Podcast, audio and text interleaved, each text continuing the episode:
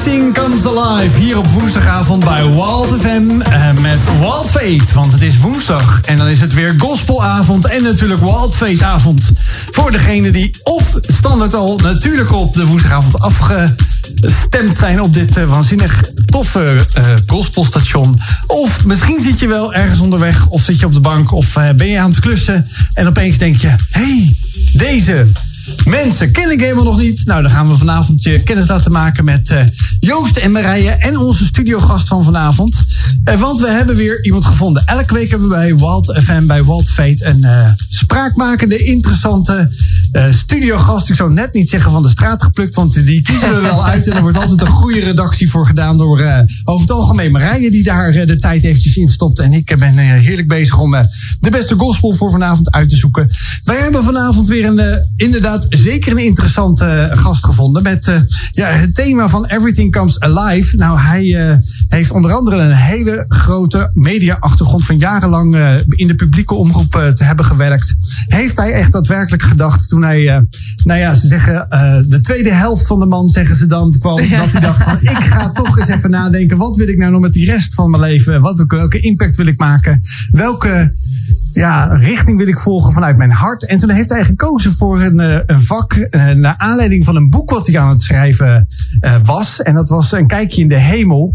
En, en toen dacht hij van laat ik ook eens uitvaartverzeker of uitvaart ondernemer worden. En ik zeg dat vind ik al heel bijzonder. Maar ik zeg hoe ontlaat je je daar nou mee? Hij zegt nou door heerlijk te genieten van mijn kinderen, mijn kleinkinderen, mijn vrouw, de, van de natuur. Want dat merk ik wel dat dan ik even lekker kan ontspannen. En ik keek naar deze man die bij ons in de zaal of bij ons in de studio zit, Marije. En ik dacht, Opa, meen je dat serieus? Geen grijs haartje te vinden. Oh. Het is niemand minder dan Marco van Straten die vanavond hier bij ons uh, is aangeschoven bij Walt FM uh, met uh, ons programma Walt Fate. Welkom Marco. Ja, dankjewel. Leuk dat je er bent. Ja, vind ik ook. En dat jij dat grote kruis in je agenda hebt gezet. Want je zegt, ja, als zelfstandig uitvaartondernemer moet je daar wel rekening mee houden dat je niet gebeld direct wordt. Ja. ja. misschien word je wel gebeld, dan moet je daarna nog ergens heen. Maar dat is natuurlijk het vak waar je voor kiest. Klopt helemaal, ja precies. Nee, ja. Is niet te plannen. Dus uh, vanavond past iemand anders op de telefoon. Dat is ook wel een fijn idee. Oké, okay, nou, heel goed in ieder geval. Nou, fijn dat je hier bent vanavond. En we zijn heel benieuwd naar jouw uh, verhalen. En ook wat je natuurlijk hebt meegemaakt in jouw uh, mediacarrière. Hoe ook uiteindelijk, want het is wild fate. We hebben het hier over het geloof. van hoe geloof in jou als een rode draad. Ik zou zeggen hier als een kerstslinger ligt er op mijn, op mijn balie hier bij, bij de, in de studio. Maar als een slinger door je leven heen loopt. En ja, hoe je daar ook dagelijks nu vandaag de dag mee omgaat. Maar we beginnen altijd onze show met een geluksmomentje. En ik, ik wou bijna zeggen, Marije, ik, ik zou zeggen, bij jou gaat je hart al harder bonken vanaf afgelopen uh, zaterdag of zo. Toen het min, uh, min zoveel begon. En dan gaan die sneeuwkoorts komen. Maar niet, niet, niet de ijskoorts, maar de sneeuwkoorts bij Marije. Ja, het is altijd zo mooi, want als mensen bij mij thuiskomen, klanten bij mij thuiskomen, dan zeggen ze altijd, hé, jij hebt echt overal snowboards in huis. Want ik heb een snowboardbankje voor mijn huis. Ik heb een kapstok en ik heb al een boekenplank van snowboards. Dus ik heb overal snowboards waar je kijkt. Dus ja, dan raad je het natuurlijk al. Ik ben echt gek op de winter. En dagen als vandaag, blauwe lucht, vrieskou, zonnetje. Nou, dan, dan, uh, dan zie ik mezelf al boven op de piste staan, klaar om naar beneden te gaan. Maar uh, dat zit er voor nu nog even niet in. Maar dit zijn wel echt mijn geluksmomentjes als het aankomt op wat is je favoriete seizoen en weer dag in het jaar. Nou, dat is zo'n dag als vandaag. Heerlijk. Goed zo. En uh, Marco, heb je ook iets waarvan je zegt van ja, dat, dat, dat was voor vandaag echt zo'n momentje dat ik dacht, daar ben ik echt gelukkig van, of van week of ergens, wat je graag zou willen delen? Ja, nee, zeker. Nou, ik kan gelukkig ook van de winter genieten. Als ik de eerste schaatsbeelden weer zie, hè, vandaag de eerste natuurtocht weer, toetocht op het ijs, dan uh, heb ik ook alweer zin om de schaatsen te pakken. Maar het is wat dichter bij huis. We hebben pas weer een uh, kleinkind gekregen, tweede kleindochter. Uh, Rodi heet ze, drie weken geleden geboren. En vandaag weer zo'n fotootje op de app van onze zoon van, uh, dat is weer heerlijk ingepakt. Juist heel warm. Mooi contrast met die kou. Ja, dat is echt wel genieten. Het bijzondere, ja, het wonder van nieuw leven. Dat is altijd uh, heel bijzonder om mee te maken. Ja, ja, dat is ook echt bijzonder om dan te horen. Zo'n zo klein groetje wat echt nog ja, zo klein is en, uh, en voor je het weet uh, rondhuppelt en, ja. uh, en de oren van je hoofd kletst. Ja, dat is echt heel, heel bijzonder. Dankjewel. En hey, Joost, uh, ja, ik weet ook iets waar je heel erg blij van wordt, maar ik weet niet of dat je dat Nee, nee, nee, dat ga ik nu, dat ga ik nu niet delen. Nee, nee, nee, want ik heb, ik heb dat doe ik te vol. Als ik daadwerkelijk het, dan ga ik het delen als oh, ik daadwerkelijk uh, de, dat is een cliffhanger voor de volgende keer, misschien. Maar in ieder geval, mijn geluksmomentje is dat ik afgelopen zaterdag, uh, ja, dat was een lang gekoesterde wens, uh, met het hele gezin naar de kerstmarkt in Keulen ben geweest.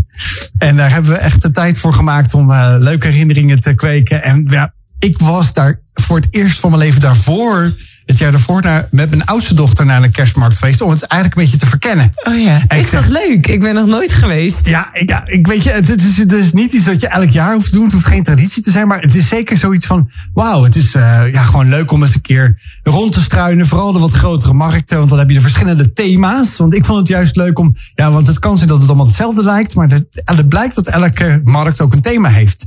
Thema engelen, thema uh, uh, Rudolf, hè, dus Rudolf de Reindeer. Oh ja. Ze hebben, uh, ja, dus ze waren allemaal thema's. En dan moet je dan eventjes naar zoeken. En dan zie je opeens op die kraampjes zie je allemaal van dat soort dingen terugkomen. Je zit in de lichtjes. En dan zie je, en ze hebben overal bij elke markt apart hebben ze een mok.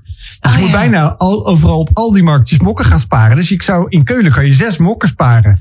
Om de gluwijn in te, vanuit te drinken. Of de warme chocolademelk Ja, dus als je dan zeg maar een mok bestelt. Of een, een, een drankje bestelt, dan krijg je de mok erbij. Dan krijg je de mok erbij. Dat is een soort van statiegeld. Want dan kan je die gewoon uh, oh, meer en meer gebruiken. Dus in plaats van plastic bekertjes hebben ze mokken die ze uitdelen. Cool. Dus ik vond het heel erg leuk. Ja, nou ja goed. En misschien is het een keer leuk om een dagje in de Want het is maar 2,5 uur rijden vanuit uh, Nederland. Dus het valt ook allemaal weer mee. Dus het was een hele mooie dag. Ja, en dat was ook een van de redenen dat ik namelijk niet naar het kerstconcert kon van Remco Harms. Uh, nou, maar dat is geen probleem, want we gaan hem namelijk even proberen in te bellen. En uh, even in onze show te halen, want hij was hier een paar weken geleden te gast. En toen heeft hij nog kaartjes weggegeven. En ik weet dat diegene ook geweest is. Dus daar ben ik heel benieuwd hoe hij zijn show, want hij kijkt altijd zo uit naar kerst, hoe hij dat gevonden heeft. En daar gaan we hem eens over doorzagen en aan hem vragen wat hij allemaal beleefd heeft. Dus blijf lekker hangen. We gaan heerlijk luisteren naar Jaira van Rijer. Welkom terug bij Walt hier op Walt FM. We zijn vanavond in gesprek onder andere met Marco van Straten. Hij is auteur, hij is een, een oud mediaman en hij is nu helemaal, heeft zich gestort op de uitvaartonderneming, op zijn uitvaartonderneming. En nou, hij zal daar meer over vertellen vanavond. Niet zozeer over van wat hij daar nou voor werk doet, maar ja, hoe het allemaal zo gekomen is. En ook een boek onder andere wat hij, daar, hij daarover geschreven heeft. En een kijkje was het, nee, wat was het? Als ik in de hemel kom, dan moet ik gelijk even corrigeren. Maar ja, voor, zoals ik al voor de muziek zei, we ja, gingen, gaan ook nog even bellen. En die heb ik als het goed nu is aan de lijn. Remco Harms, welkom Remco. Ja, hallo. Hey, leuk dat je erbij bent vanavond. Ja, zeker. Je was hier een, twee weken geleden in onze, in onze show bij Walter FM. Ja. En uh, toen vertelde je al dat uh, je, je al, uh, nou ja, ik zou bijna zeggen in september al de kerstkriebels kreeg. Omdat het voor jou ja, toch wel een, een prachtig feest is. En je heel erg houdt van de kerst. Ja, precies. Nou, dat begint in augustus al eigenlijk hoor. Augustus uh, al, zo ja, Tuurlijk. ik hou enorm van de kerst. Er staan dan zelfs al kerstliedjes uh, op. Nou ja, ik schaam me niet eens ervoor om te zeggen. Maar uh, ik moet natuurlijk altijd eerder dan anderen met de kerst beginnen. Omdat ik natuurlijk aan kerstmuziek werk voor kerstconcerten. Juist, juist. En daarom begin ik altijd zo vroeg te mee. En om nou in die sfeer te komen, dan staat mijn kerstboom altijd al 1 oktober. Ja, juist. Ja. En dat, dat is een goede, goede nou ja, speerpunt voor jou, een eikpunt, om dan uh, helemaal uh, lekker in die kerstsfeer te komen. Ja, precies. Ja, en uh, nou zullen misschien wel luisteraars zeggen, ik heb twee weken geleden niet geluisterd, ik heb die podcast nog niet nageluisterd van Remco Harms. Maar wie is eigenlijk Remco Harms? Remco Harms, dat is een zanger. Ik ben zanger van beroep, conservatorium gestudeerd, musicals gedaan, LA The Voices gedaan, die mannengroep van Gordon. En dat, uh, daar ben ik een aantal jaren geleden mee gestopt. Ik ben, ik was die, ik ben die blonde, uh, die altijd uh, voor de mensen op links komt. ja, dat is makkelijk van me. Ja. En nou ben ik gewoon weer een aantal jaren alleen bezig. Ja, ja je hebt het hier uitgebreid verteld ook wat je ja. passie is. En ja, hoe je daar ook in ja, zingeving een plaats geeft. En hoe je gewoon ook ja, muziek ziet dat dat helend is. En dat dat mooi mensen ook verbindt. Dat heb ja. jij, toen zei je al van ik ga het nog gekker doen. Want degene die ervoor was, die gaf geloof ik een cd weg. En jij zegt, ik geef een cd en zelfs kerstkaartjes weg van mijn kerstconcert afgelopen zaterdag 10 december.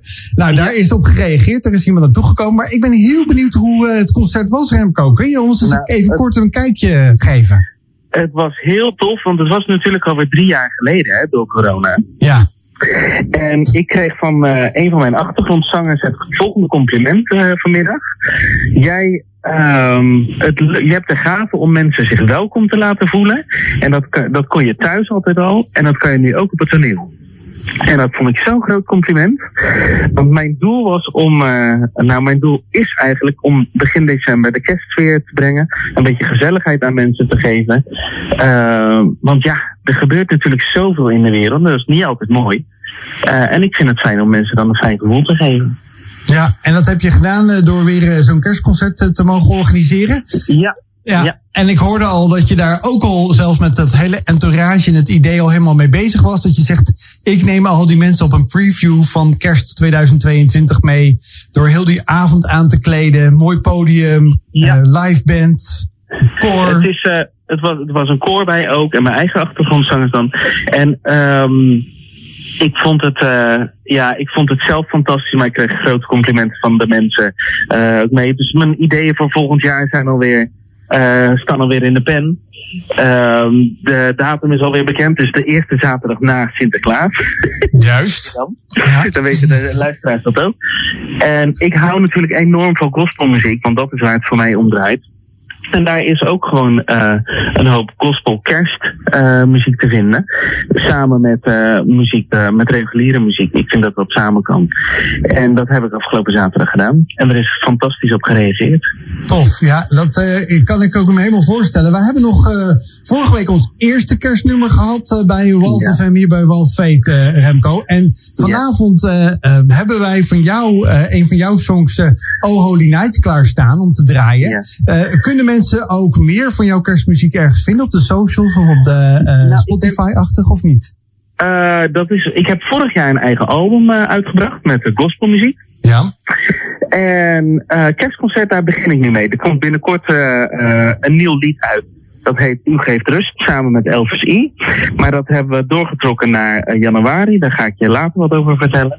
Ik stuur je gewoon een mailtje. Heel goed. En um, uh, vol, volgend jaar ga ik ook nieuwe kerstmuziek maken. Met dat koor waar ik nu mee opgetreden heb. Maar dat ligt allemaal nog in de maak. Oké, okay. nou dan uh, hou je ons ook een beetje in spanning, uh, Remco, over wat er volgend ja. jaar gaat gebeuren. In ieder geval weten ja. we de eerste zondag, de eerste zaterdag na de Sinterklaas. Dan kun je alweer nadenken dat je graag in de buurt waarschijnlijk van Rotterdam.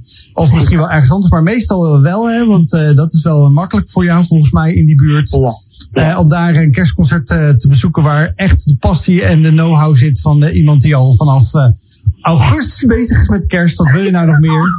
ja, ik wil je bedanken Remco voor, ja. voor in ieder geval eventjes een klein inkijkje in hoe jij kerst beleeft 2022 en daar al helemaal in zit. Ja, en, dankjewel voor het bellen. Ja, en we gaan nu van jou Oh Holy Night draaien. En ik zeg alvast een hele goede kerst en alvast een fantastisch uiteinde en een heel goed nieuwjaar toegewenst. Dankjewel. Ik alle luisteraars ook. Oké, helemaal goed Remco. Wij gaan heerlijk genieten van je muziek. Oh Holy Night. Nou, mooi. Bedankt nogmaals Remco voor je, voor je inkijkje in de afgelopen zaterdag. Wij gaan vanavond verder met onze gast die we hier aan tafel hebben in de studio. Dat is Marco van Straten. En ja, zoals ik al zei, ja, hij heeft nog een, een ja, portfolio aan hele brede ervaring, Marije. Ja, dat is ik, dat, echt, uh, dat van heel van links naar rechts. Dus ja. Ja, Remco, oh, Remco zeg ik. hoe, uh, hoe, hoe ben je ooit tot die switch gekomen? Dat je zegt van hé, hey, ik, ik zat echt in de mediawereld. daar heb je echt jarenlang ervaring in. Maar toch kwam ergens daar het moment dat je dacht: ik ga toch die switch nemen. Ik, ik zet die andere stap. Ja, na het uitvaartwerk bedoel je, ja. ja. Ja, een lang verhaal of misschien een kort verhaal. Ik zal het een beetje samenvatten. Uh, nee, inderdaad, ik heb heel lang in de media gewerkt en geschreven, radio, televisie, van alles eigenlijk uh, kunnen maken. Um, en uh, op een gegeven moment, ik, het was op de uitvaart van mijn oma, die werd 101 jaar. Die is vijf jaar geleden overleden. En toen viel het me op dat zoveel mensen zoiets zeiden als, ja, gelukkig ze is nu in de hemel en nou, dat soort teksten. En ineens raakte me dat ergens. Ik dacht, ja, wat zeg je nou eigenlijk? Weet je wel, wat zeg je nou eigenlijk als ze is nu in de hemel, wat betekent dat dan? Dus ik vroeg het ook aan mensen. En dan merk je toch wel dat mensen soms met de mond vol tanden staan. Hè? Dan zeggen we dat soort teksten als iemand overleden is, maar wat bedoel je nou eigenlijk precies? Ja, wat is dan Ehm, ook je, bijvoorbeeld je beeld van de hemel? Wat Precies. denk je dan dat de hemel zal zijn? Wat is de hemel of wat verwacht je überhaupt van het Ja. leven het leven? Stopt het dan? Of is er nog een soort, soort hoop daarna? Of kijk je alleen maar terug? Dus ik dacht, dat vind ik interessant. Dat ga ik eens uitzoeken. Nou, dat heeft geleid tot een boek als ik in de hemel kom. Eh, interviews met mensen over hun verwachting. Wat is er misschien aan leven na dit leven? Eh super boeiend thema vond ik het. Daar heb ik ook een theatervoorstelling van gemaakt. Een aantal keer gespeeld in verschillende steden. en dat bracht me eigenlijk steeds meer met mensen in gesprek over dat thema. Hè, En wat over- was je ontdekking na al die gesprekken? ja, eigenlijk wel heel divers. Ik, ik vatte het een beetje samen als het heeft voor mij wel iets meer kleur gekregen. Ik vond, de, de, mijn vroegste herinnering is, ik was denk ik een eh, jaar of drie, vier dat mijn opa overleed. Eh er was mijn beeld dat er een soort laddertje bij hem voor in de straat stond. En opa die klom dan eh, naar boven tot hij ergens in de wolken verdween. In een soort grijs beeld. Nou, dat heb ik gelukkig niet meer. Die, die trap stond wel, staat ook nog voor op mijn boek trouwens. Ja, ik zat Eh, al te denken, ja, ik heb de cover net gezien dat ik dacht, hé, dan zie je een trappetje Ja, ergens naar illustratief. En een ook diepere dimensie. Precies. In de voorstelling in het theater stond hij ook op het podium. Ik eind, begin en eindig dan bij die, bij die ladder. Ehm, het heeft wel meer kleur gekregen. In de zin van ehm, mensen, hoe verschillend ze het ook verwoorden. Dat, ehm, ja, het- ja, ik zal er niet hele diepgaande bijbelstudie van maken. Maar de hemel is heel abstract. Ehm, eh, klinkt heel ver weg, ergens ver in de wolken. Maar als je nou, als christen de Bijbel leest, dat het veel dichterbij is dan vaak denken. Hè? Dat het voor heel veel christenen iets is als ik leef nu met Jezus. Ik eh, wil Jezus volgen in mijn leven. Probeer te leven zoals hij leefde. En je kunt ook door de dood heen eh, met hem verder leven. Nou, dat klinkt heel, ook weer heel ingewikkeld en heel moeilijk en heel groot. Wat is dat dan? Ja, misschien ook wel als je nu luistert en je zegt, hè, Ja, wat ik heb dat? nog nooit nagedacht over of dat het leven naar de dood zou zijn, of dat de hemel zou bestaan, of het lijkt nog zo ver van mijn bedshow. Ja. Ehm, maar ja, dat weten we ook allemaal. We kennen allemaal mensen die op jonge leeftijd zijn overleden. Ja. Dus dat hoeft echt niet zo te zijn dat je denkt, eh, ik word dus ook 101. Ik hoef er bij lange na niet over na te denken. Nee, Eh, klopt. maar ergens ligt er wel een hele mooie uitnodiging van, hè, ga er eens over nadenken. Nou, zeker. En ik geloof ook zelf wel dat als je ziet hoe mooi de natuur in elkaar verweven is, hoe dingen eeuwenlang doorgaan, doorontwikkelen, eh zijn denk ik mensen ook te bijzonder, te kostbaar. Nou, ik geloof dan door God gemaakt, maar wat je ook gelooft, omdat het ineens stopt hier na een aantal jaren op aarde. Dus ik geloof inderdaad dat, er, dat je in een bepaalde vorm doorleeft naar dit leven. eh, met God verbonden bent, ook wel met mensen verbonden kunt zijn. Ja, niet in een soort paranormale zin, maar wel in herinnering, in een soort liefde verbonden bent met mensen. Eh, en ik hoop vooral ook, ik geloof ergens, ik hoop vooral ook dat je elkaar weer kunt terugzien in een soort nieuwe dimensie later. Eh, en dat is zo ingewikkeld dat als ik het zeg, dan begrijp ik het zelf al niet meer. Maar goed, er zit ook wel hoop in. Ehm nou ja, goed, een hele lange aanloop eigenlijk. En al die gesprekken, die, die, ja, die, die troffen me in de zin van, wat een boeiend thema is dat eigenlijk. Rond leven, rond dood, rond verlies en hoop. Eh, dat ik me meer, meer ben gaan verdiepen in eh, dat thema, in rouw, eh, verlies en ook in de uitvaarten. En uiteindelijk de opleiding tot uitvaartbegeleider ben gaan doen. En nou ja, toen ook maar ben gestart als uitvaartbegeleider. Ja, want wat raakt dat in je hart, dat werk? Nou, het mooie vind ik dat ehm je heel erg met de kern van het leven te maken krijgt eigenlijk.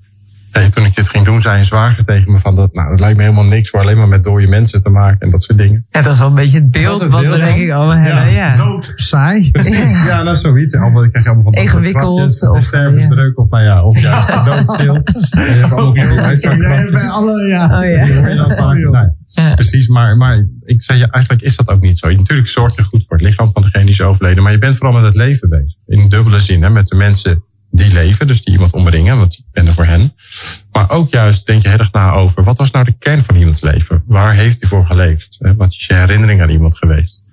Dus eigenlijk, um, ja, juist in die week rond, rond een, op weg naar een uitvaart, bepaalt je heel erg bij het leven van iemand. Bij wat, wat was nou zijn kern? Daar voer je heel veel gesprek ook over. Natuurlijk, ik niet alleen, maar vooral de familie onderling. Maar ik mag daar dan vaak een stukje van eh, mee meelopen. Ja, dat vond ik gewoon heel bijzonder. Dat je heel erg naar, ja, een beetje soms ondaan van alles schijn. Heel erg gaat naar de kern van wie iemand is. Dat is ook wel heel mooi, hè? Dus ik, in mijn coaching stel ik ook vaak de vraag van, nou, als je nou later oud mag worden en je kijkt terug op je leven, wat zou je dan uh, geoogst willen hebben van datgene wat je gedaan hebt in het leven? Uh, en eigenlijk doen jullie dat dan, of de mensen met wie je dan werkt, ook echt met elkaar bespreken van, hè, wat, wat, wat bracht iemand in het leven? Wat kenmerkt iemand? Uh, wat, zijn de dingen die je nog mee mag dragen? Kostbare herinneringen of dingen die iemand ook echt gebracht heeft? Ja, ik vind het ook zo fascinerend dat dat voor iedereen dus heel anders is. Dus ook eh, zelfs kinderen, hè, dan zit je aan dezelfde tafel en dan merk je zo dat al die invalshoeken, dat het ene kind vader heel anders heeft beleefd dan het andere kind je ziet vaak ook wel natuurlijk eh, een soort raakvlakken. Maar iedereen heeft ook een unieke band met iemand. En eh, nou, soms is dat heel moeilijk, heel pijnlijk. Er zijn hele moeilijke herinneringen, dingen die niet goed gegaan zijn. Maar ook wel heel dierbaar en bijzonder om dat dan terug te horen. Het is ook, uh, ik denk, als ik het nu zo hoor, dan ben je best wel bevoorrecht op uh, zo'n moment. Ja, ik vind het vaak echt wel bijzonder, want je stapt eigenlijk heel, soms heel vreemd voor, soms ken je mensen een beetje, soms helemaal niet. Je stapt iemands leven binnen en meteen, soms binnen, nou ja, de koffie is nog niet eens koud en je hebt het al over hele wezenlijke dingen en je mag al, ja, je, krijgt, je mag van heel dichtbij, uh, je mag heel dichtbij mensen komen in een periode die voor hen heel intens is eigenlijk. Dus dat is ook bijzonder mee te maken. Ja, dus je, je, je stapt echt in iets kwetsbaars. Iets, iets wat echt gaat over, ja, over leven, wat je zegt. Ja. Ik, uh, we mogen vanavond een boek van je weggeven. Als leven rouw is, rouw met OU. En uh, via de socials kun je daar kans op maken. Dus uh, kijk vooral even via in de stories van, van Wild FM en de Wild Foundation. vul daar je naam in en dan, ja, dan hoor je wel of dat je gewonnen hebt of niet. Maar je begint, en dat vind ik zo mooi, het boek met leven. waarbij een definitie staat, kunnen ademen, groeien. En rouw, bedroefdheid, met name vanwege een sterfgeval. En dat leven en rouw, dood en hoop, wat je net ook zei, zeg maar, dat het wellicht ook wel zo dicht bij elkaar ligt allemaal. Zeker, ja, dat is ook zo. Het is zo ik vind het zo enorm met elkaar verweven. Um, het, is, het, is, ergens ook een heel moeilijk thema, hè, want dood is niet voor niks ja, het einde van een leven, in ieder geval hier op aarde. Um, maar ja, je ziet ook in de natuur zoveel parallellen. Uh, kijk naar een hersenbos, je ziet ook dat dingen soms moeten afsterven om weer iets nieuws te laten ontstaan. Um, hoe vernuftig dat allemaal in elkaar zit, ja, dat vind ik gewoon ook fascinerend. Ja, en misschien als je nu luistert, dan denk je, het raakt mijn leven juist heel erg. Uh, we zitten nu in een tijd voor kerst. En voor sommigen is dit echt de meest waanzinnige tijd van het jaar. It's the most wonderful time. En misschien zeg je van, nou, echt al dat kerstgedoe. Laat me maar, want eigenlijk confronteert het me dus met gemis, met mensen die ik mis. Of met uh, pijn en moeite. En dan hopen we echt dat je vanavond ook, uh, ja, wellicht ook bemoedigd wordt of dat je een hoopvol verhaal mag horen. We gaan nu eerst even luisteren naar een nieuw song met Have a Little Faith. Al deze muziek die wij luisteren en die we draaien hier op deze avonden, kan je meeluisteren en lekker terugluisteren. Dit was in ieder geval een nieuwe song met Have a Little Faith. We zijn hier vanavond in gesprek met Marco van Straten.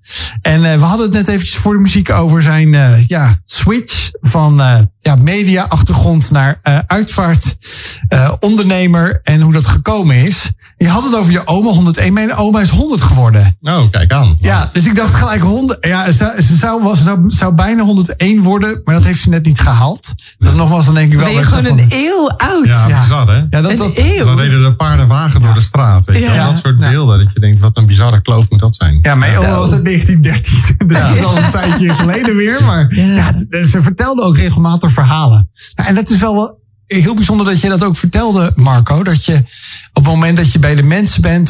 Er is natuurlijk een hoop rouw, maar er is ook een hoop blijdschap. Er, is een hoop, er wordt een hoop gepraat.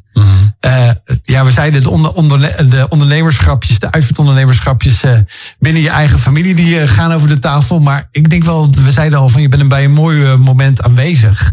En dat was dus bij mijn oma ook. En ik weet dat ze dat best wel met veel eh, ja, passie vertelde, of eigenlijk ook met veel verdriet. Want ze heeft de Tweede Wereldoorlog toen nog meegemaakt. Ze was verpleegkundige, hoofdverpleegkundige van een En de ziekenhuis. Eerste Wereld heeft ze ook meegemaakt. Heeft ze ook nog meegemaakt, maar ja, dat was eh, wel relatief eh, jong natuurlijk. Maar in ieder geval de Tweede Wereldoorlog heel bewust. En ze zegt, ze heeft eh, Rotterdamse bombardementen meegemaakt, want ze woont in Rotterdam. Ze zegt, ja, en toen vertelde ze me dat toen ik al wat ouder was. Ze zegt echt, ik heb ja, die impact wel meegekregen van dat eh, stukje geschiedenis. En dat kwam ook toen boven op tafel. En dat, eh, ja, neven en nicht zeggen, dat heeft eh oma nooit tegen mij verteld. Ja. En dat je dan ook wel weer allemaal versnipperingen krijgt van verhalen die oma aan verschillende kleinkinderen, kinderen uh, vertelde. En dat je dan opeens hele puzzelstukken in elkaar gaat leggen. Ja, dat is bijzonder, ja. Nou, dat zag je ook in de coronatijd wel. Dat had natuurlijk heel veel trieste kanten. Hè? Kleine afscheid. Veel mensen vonden dat heel moeilijk. Maar het bijzondere was dat mensen ook andere wegen zochten om herinneringen te delen. Dus je hoorde ook van families dat ze hele mooie brieven kregen. Met dingen die ze helemaal niet wisten over hun vader bijvoorbeeld. Hele mooie verhalen. Dus mensen gingen de moeite nemen om echte herinneringen te delen. En dat is dan toch wat anders dan in zo'n rij even gecondoleerd en mensen lopen weer door. Uh, dus dat is ook wel bijzonder, ja. Dat mensen de moeite nemen om een herinnering te delen dan. Ja. Ja. Marije, je had het net over Marco heeft één boek, uh, of hij heeft één boek hier voor vanavond weg te geven. Maar hij heeft meerdere boeken geschreven. Want dit is een ander boek waar eh, we het over hadden. Ja, dus als leven rouw is, dat is een boek wat gaat over inzicht en troost in dagen van verdriet. Eigenlijk een heel praktische, handzaam boek wat je eigenlijk meeneemt, aan de hand meeneemt over hoe werkt rouw nu eigenlijk. Um, en um, we hebben een poll uitgezet vandaag. Kom maar, kom maar, kom maar met je mening. En wellicht heb je gereageerd, of misschien denk je nu wel, oeh, zo, dat is wel echt uh, boeiend. Want de poll was vandaag, ik geloof in het bestaan van de hemel. En uh, uh, 40% van de mensen die reageerden zei uh, ja, ik geloof in het bestaan van de wereld, uh, van de hemel. En uh, 60% zei dus nee, daar geloof ik niet in. Ja. Terwijl het boek wat jij onder andere geschreven hebt, Marco, is Als ik in de hemel kom. Ja. Waarin je veel mensen geïnterviewd hebt. Ja. Uh, kun je ons eens meenemen over de verhalen die jij dus gehoord hebt over mensen die vertellen vanuit uh, ja, hun professie, maar ook vanuit uh, het ziek zijn en, en ook uitzien naar de hemel of hoe ze daar ook naar keken. Naar, ja. naar je bevindingen daarover. Ja, daar kunnen we heel wat avond over praten, denk ik. Maar uh, ook dat ook een beetje samenvatten. Ja, um, was heel bijzonder om te doen. Ik heb acht mensen geïnterviewd. Uh, welke christenen gekozen? Omdat ik dacht, je kan natuurlijk heel breed insteken. Want je kan de hemel ook heel abstract zien op allerlei vormen. Uh, wel mensen gekozen die iets hebben met dat thema. Maar ook wel heel divers. Van zeg maar theologen, hè, dus dominees of mensen die hebben gestudeerd. in de zin van de Bijbel hebben bestudeerd. Maar ook christenen die ziek zijn. ook jonge mensen. Uh, Kinga Baan, misschien bij sommigen bekend als zangeres. Onder andere van de groep Cela, maar ook solo heel veel mooie liederen gemaakt. Is inmiddels overleden, heel jong, een dertiger, moeder. En ze heeft heel lang kanker gehad. Heeft, ja. Voor de mensen die haar verhaal niet kennen. Lang kanker gehad, had drie jonge kinderen. En ik vond het zo fascinerend dat zij gewoon kon zeggen eigenlijk dat ze heel erg uitkeek naar ja, naar, naar het ontmoeten van Jezus, zoals zij dat dan noemde. Hè. Dat was voor haar dan de hemel. Dus niet een abstract ergens ver weg in de wolken, maar en zij refereerde aan een verhaal van een, uh, een meisje in de Bijbel. Een meisje van Jairus heet het dan. Dat is een dochtertje van een geleerde man, die heet Jairus. Die komt op een dag bij Jezus, die daar met zijn leerlingen rondtrekt door Israël. Mijn dochter is ernstig ziek, je moet komen. Hè, want hij had verhalen gehoord dat Jezus wel eens mensen kon genezen. Nou, en dan zie je dat Jezus ineens gaat treuzelen bijna. Hij gaat helemaal geen haast maken om er naartoe te gaan. En ja, je zou een beetje in paniek raken, want het is nu nodig, dus je moet nu komen. Hij doet heel rustig aan. Hij komt uiteindelijk bij dat huis. En dan zijn mensen al uh, verdrietig en rouw van het heeft geen zin meer, ze is al overleden. En hij zegt dan nee, helemaal niet, ze slaapt. Um, Moet ook een shock geweest ja, zijn. dus hoezo ze slaapt. En, een beetje, nou misschien wel een beetje een lacherige sfeer. Van, wat, wat is dat voor iemand? Uh, en hij zegt dan tegen de meisje, meisje sta op. En dat doet ze dus. Ze wordt wakker. Ze, nou ja, wordt wakker. Uh, ze wordt weer levend. En uh, Kingham vat het heel mooi samen. Zegt, voor mij is dat het beeld van de hemel. Dus dat ik op een dag hier mijn ogen sluit. Uh, en dat Jezus als het ware in een nieuwe dimensie, een nieuwe wereld tegen mij zegt: Meisje, word wakker, sta op. En ik adem weer door in een nieuwe wereld. Zo. Uh, samen met Jezus dan, dat geloof te zijn. Nou, dat vond ik, vond ik een heel inspirerend verhaal, heel bijzonder. Ja, en, en dat, nou goed, zo zijn er heel veel diverse invalshoeken. Um, En is er iets wat dat samen bindt? Voor, uh, er zijn natuurlijk vanuit de reacties best wel veel mensen die zeggen: de hemel, daar geloof ik niet in. Of ik heb Ja. er nog nooit over nagedacht. Of, uh, uh, is er iets waarvan je zegt van hey, dat kenmerkt eigenlijk al die uh, interviews, die, die mensen die ik gesproken heb? Nou, vooral denk ik wel dat dat oude beeld van de hemel, dat is ver weg in, in, in de wolken ergens. Hè. Dat is, nou, als je goed in de Bijbel bestudeert, dan staat daar nergens dat wel eens mensen naar de hemel gaan, zoals het zo zegt. Niet in de zin van dat is dan hoog ergens in de wolken waar God dan troont. Maar dat het wel een verbinding is uh, met Jezus ook na dit, na, na dit leven, door de dood heen. Um, een soort doorleven, een soort wel een belofte op eeuwig leven. Uh, als je de Bijbel leest, staat daarin dat Jezus ooit de aarde wil zal maken zoals hij die bedoeld heeft. Hij heeft ooit de aarde gemaakt, dat geloof ik. Um, was alles goed, was alles in harmonie. Nou, niemand zal verbaasd opkijken als ik zeg dat het nu een, best wel een puinhoop is in de wereld. Oorlog en verdriet en chaos overal. Uh, dat is niet hoe God het bedoeld heeft. God heeft bedoeld dat er vrede is, dat mensen goed zullen kunnen samenleven. Nou, en hij belooft dat hij ooit dat zal herstellen. Uh, en ik merkte ook in, in, die gesprekken, heel veel christenen geloven dus dat, dat die dag zou komen. En dat de mensen die nu sterven dan weer zullen doorleven met elkaar. In een soort nieuwe harmonie met elkaar, met God samen. Uh, in de nieuwe hemel, de nieuwe aarde. Dus een soort herschepping. Ja, dat klinkt echt als een hele fijne plek.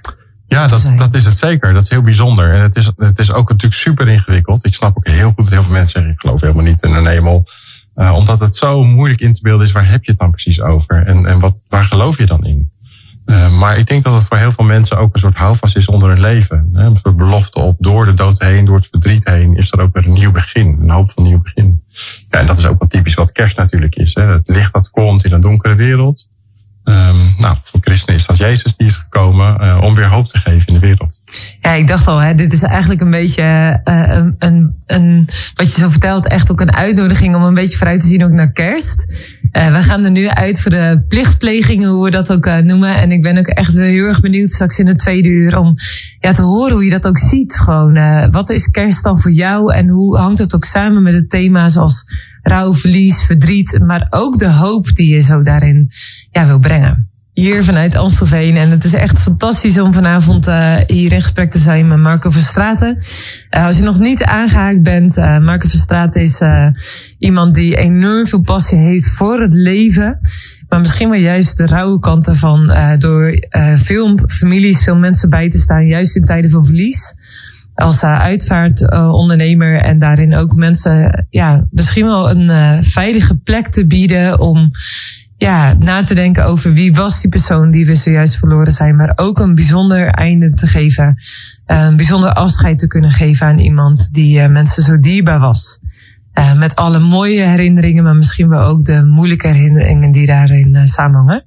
En net voordat we eruit gingen voor de, voor de commercials en, en het nieuws, hadden we het over de hemel. En dat kwam een beetje naar aanleiding van een poll die we uitgezet hadden van hey, geloof je nu eigenlijk in de hemel? En ik weet niet hoe het jou vergaat, uh, maar veel uh, luisteraars van Waldefem die zeiden van nou, ik geloof eigenlijk niet in de hemel, was 60%. Dus dat gaf eigenlijk een heel mooi uh, gesprek. Ook naar aanleiding van een van de boeken die Marco dus schreef waarin hij in gesprek ging met veel mensen over de vraag: als ik in de hemel kom, hoe ziet dat er dan uit? En geloof je inderdaad in de hemel? En hij zei: het bijzondere is dan dat, dat het eigenlijk ook een hele hoopvolle gedachte is. Voor de mensen die in de hemel geloven, die christen zijn, die zeggen van ja, als ik straks in de hemel kom, dan, dan mag ik Jezus ontmoeten. Nou, we zitten nu in de tijd voor kerst. En uh, we gaan dit uur ook verder met elkaar in gesprek over, ja, wat is kerst dan? Wie is Jezus dan? En wat is dan ook die hoopvolle boodschap? Maar waar het niet dat we tweede uur altijd beginnen met een fantastisch item genaamd de tijdmachine. Dus Joost? Ja, we gaan de tijdmachine weer eens eventjes opstarten. En daar gaat hij hoor. We gaan eens eventjes die deuren openen van de tijdmachine. Want wij gaan ons klaarmaken om met Marco naar een, een stuk uit de Bijbel te reizen. Wat hij, wat hij gaat vertellen en waar hij ons mee naartoe gaat nemen. Marco, naar welk gedeelte van de Bijbel neem je ons mee? We gaan uh, heel ver terug in de tijd, duizenden jaren, uh, naar een heel oud gedeelte van de Bijbel. Een boek dat Job heet. Dat zou je niet verbazen misschien als je het verhaal al een beetje kent. Oké. Okay. Nou, neem ons mee naar uh, Job. Ja, ga ik doen. Nou, Job is een, uh, een man uh, uit waar de Bijbel over zegt dat een heel gelovige man was. Hè. Nou, dat betekende die tijd dat hij heel erg goed zijn best wilde doen voor God, wilde leven zoals hij dacht dat dat goed was, zoals hij dacht dat God dat wilde. En het was een man die ook heel veel had gekregen in zijn leven. Nou, dat bedoel ik niet alleen materieel, was een hele rijke man. Er staan dat hij enorme kuddes had, kamelen, geiten. En nou, dat stond in die tijd voor welvaart. Ja, je zou nu zeggen, je hebt heel veel bitcoins of geld op de bank of een dikke BMW voor de deur. Nou, dat had Job allemaal in die tijd. Um, maar hij was ook rijk gezegend omdat hij een hele grote familie had. Hij had zonen, hij had dochters. Um, en daar genoot hij blijkbaar van. Maar hij maakte zich ook altijd wel een beetje zorgen. Want die zonen en dochters die hadden wel heel veel met genieten van dat goede leven. Eten, drinken, feesten. Alleen ze hadden niet zoveel met die God die hun vader zo uh, wilde volgen. Uh, en heel vaak gaven ze allerlei feesten waar het uh, nou nogal gezellig aan toe ging. Denk een beetje een uit de hand gelopen carnavalsfeest. Misschien zouden we nu zeggen. Er werd veel gedronken, gegeten. Er was muziek en gezelligheid. En misschien was er ook niet altijd even een hele zuivere moraal. Dat weet ik niet precies. maar Job maakte zich dan zorgen. En de Bijbel zegt dan op die avonden dan. Dan probeerde hij altijd te bidden. En hij offerde dan uh, tot God. Hè. Dat deden ze vroeger, brachten ze een offer. Uh, dan werd er nou, een dier verbrand eigenlijk. Maar dat was dan iets om uh, Gods hulp te vragen. Of om, om, om God dankbaarheid te, te, tonen. En hij hoopte dan dat daarmee een beetje goed te maken voor zijn kinderen. Nou, als je verder kijkt, had hij dus alles wat je maar kan wensen in het leven. Een, een rijke familie, bezittingen, alles. Maar dan op een dag slaat het noodlot toe. En ineens valt alles weg dat hij had. En het begint met het grootste drama wat je kan voorstellen als vader, als moeder of als, als opa misschien wel. ehm, dat, er, dat er een hevige storm was en het, het huis waarin zijn, zijn zoon en dochter aan het feesten waren, dat gebouw stortte finaal in. En iedereen kwam om. Dus in één keer was de hele familie weg. Nou, en een van zijn knechten kwam dat vertellen. En het had het nog niet gehoord of de volgende kwam eraan. Er was een overval geweest door bandieten en die hadden zijn hele kuddes geroofd. Nou, iedereen was gedood, alleen deze knecht eh, ontkwam. Zo gaat het maar door, de ene boodschap naar de andere. Nou, het komt erop neer dat er helemaal niets meer over was. Hè? Dat hij met lege handen stond Job. Nou, als je het over rouw en verlies hebt, kan je gewoon niet voorstellen. Nou, dus zoals ze dat toen in de Bijbel deden, hij scheurde zijn kleren en hij strooide as op zijn hoofd. En nou, dan gaat, eigenlijk vind ik het dan een heel bijzonder verhaal. Want je zou dan ook kunnen verwachten dat je denkt, ja, maar het is de Bijbel. Dus er staat meteen, alles kwam weer goed. Want uh, ik bad tot God. En ineens had hij alles weer terug. Nou, zo gaat het eigenlijk niet in dit boek. Want hij gaat best een hele moeilijke tijd in. Hij ziet het helemaal niet meer zitten. Hij is boos op God van, uh, nou, hoe, hoe kan dit allemaal? Um, en, en tot, tot overmaat van ramp uh, heeft hij niet, geen vrienden om zich heen die hem een positief woord komen spreken. Maar die praten hem eigenlijk een beetje de put in. Dus die komen naar hem toe en die, die, die zeggen, joh, uh, ja, wat, wat, wat, moet je nou toch met die God van je? Waar, hoezo? Moet je naar kijken wat er allemaal is gebeurd? Uh, waar is hij nou? Uh, zijn vrouw bespot hem ook. Van, joh, je ziet er niet uit, je zit daar een beetje te treuren. En, en, en hij krabt zich met een potscherf, staat er dan. Het gaat helemaal niet goed met hem, fysiek ook niet. Kortom, ook daar heeft hij helemaal niets meer wat hij, ja, daar heeft hij eigenlijk helemaal niets meer over. En het bijzondere vind ik dan eigenlijk dat, um, dat hij dan ook een beetje in discussie gaat met God. Staat er in de Bijbel. Hij gaat echt kritische vragen ook stellen aan God. Um, en je ziet dat God dan niet met een soort uh, zachte oplossing komt. Niet een soort pampertje, van hij wordt niet gepamperd. Maar dat God ook even de confrontatie aangaat. In de zin van, waar was jij toen ik de wereld schiep? Dat soort vragen gaat hij stellen aan Job. Hij zet Job aan het denken. Van, waar was jij toen ik de vogels schiep aan de hemel? Of ik weet niet precies hoe het er staat. Maar hij gaat, hij gaat Job eigenlijk laten zien, een beetje in perspectief weer plaatsen. Van joh, je hebt nou zo je leven geleid. Echt was je een vroom man, maar misschien ben je me ook wel heel vaak verloren. Nu ben je alles kwijt. En, en, en nou ja, als God heel veel dingen in perspectief wilde plaatsen. Van, uh, hoezo roep je mij ter verantwoording? Uh, ben je ineens je vertrouwen in mij kwijt? Nou, en dan zie je langzaamaan dat er echt tijd heeft Job om door een soort, nou, misschien door het rouwproces heen te gaan. Uh, zie je weer heel langzaam lichtpuntjes ontstaan, kleine sprankjes hoop. Dat hij toch weer zijn vertrouwen in God gaat uitspreken. Dus zegt, ja, nou oké, u heeft gelijk inderdaad. Ik, wat heb ik u ook ter verantwoording te roepen? Dat is helemaal niet aan mij. Um, nou, dat eindigt dan, ja, misschien wel bijna als een, als een te mooi sprookje. Maar het eindigt wel omdat er ook staat dat God hem weer gaat zegenen. Dus hij krijgt weer uh, nieuw bezit en, en nieuwe kinderen. En um, ja, dat is bijna te mooi om waar te zijn. Hè. Ik bedoel, het was misschien nog bijzonder geweest als het heel rauw was geëindigd. Wat, wat is er dan over? Maar je ziet dat, uh, dat zijn vertrouwen ook weer wordt beantwoord door God. Dat God hem helpt, het weer op zijn voeten zet. En hem ook weer een nieuwe hoop geeft, nieuwe perspectief geeft. En uh, ja, dat, dat hij eigenlijk ja, op, misschien op een nieuwe manier God heeft leren kennen. Maar ik denk ook op een hele nieuwe manier naar ja, de mensen om hem heen heeft laten kijken. Dat is een beetje wat ik daar dan zelf uit haal.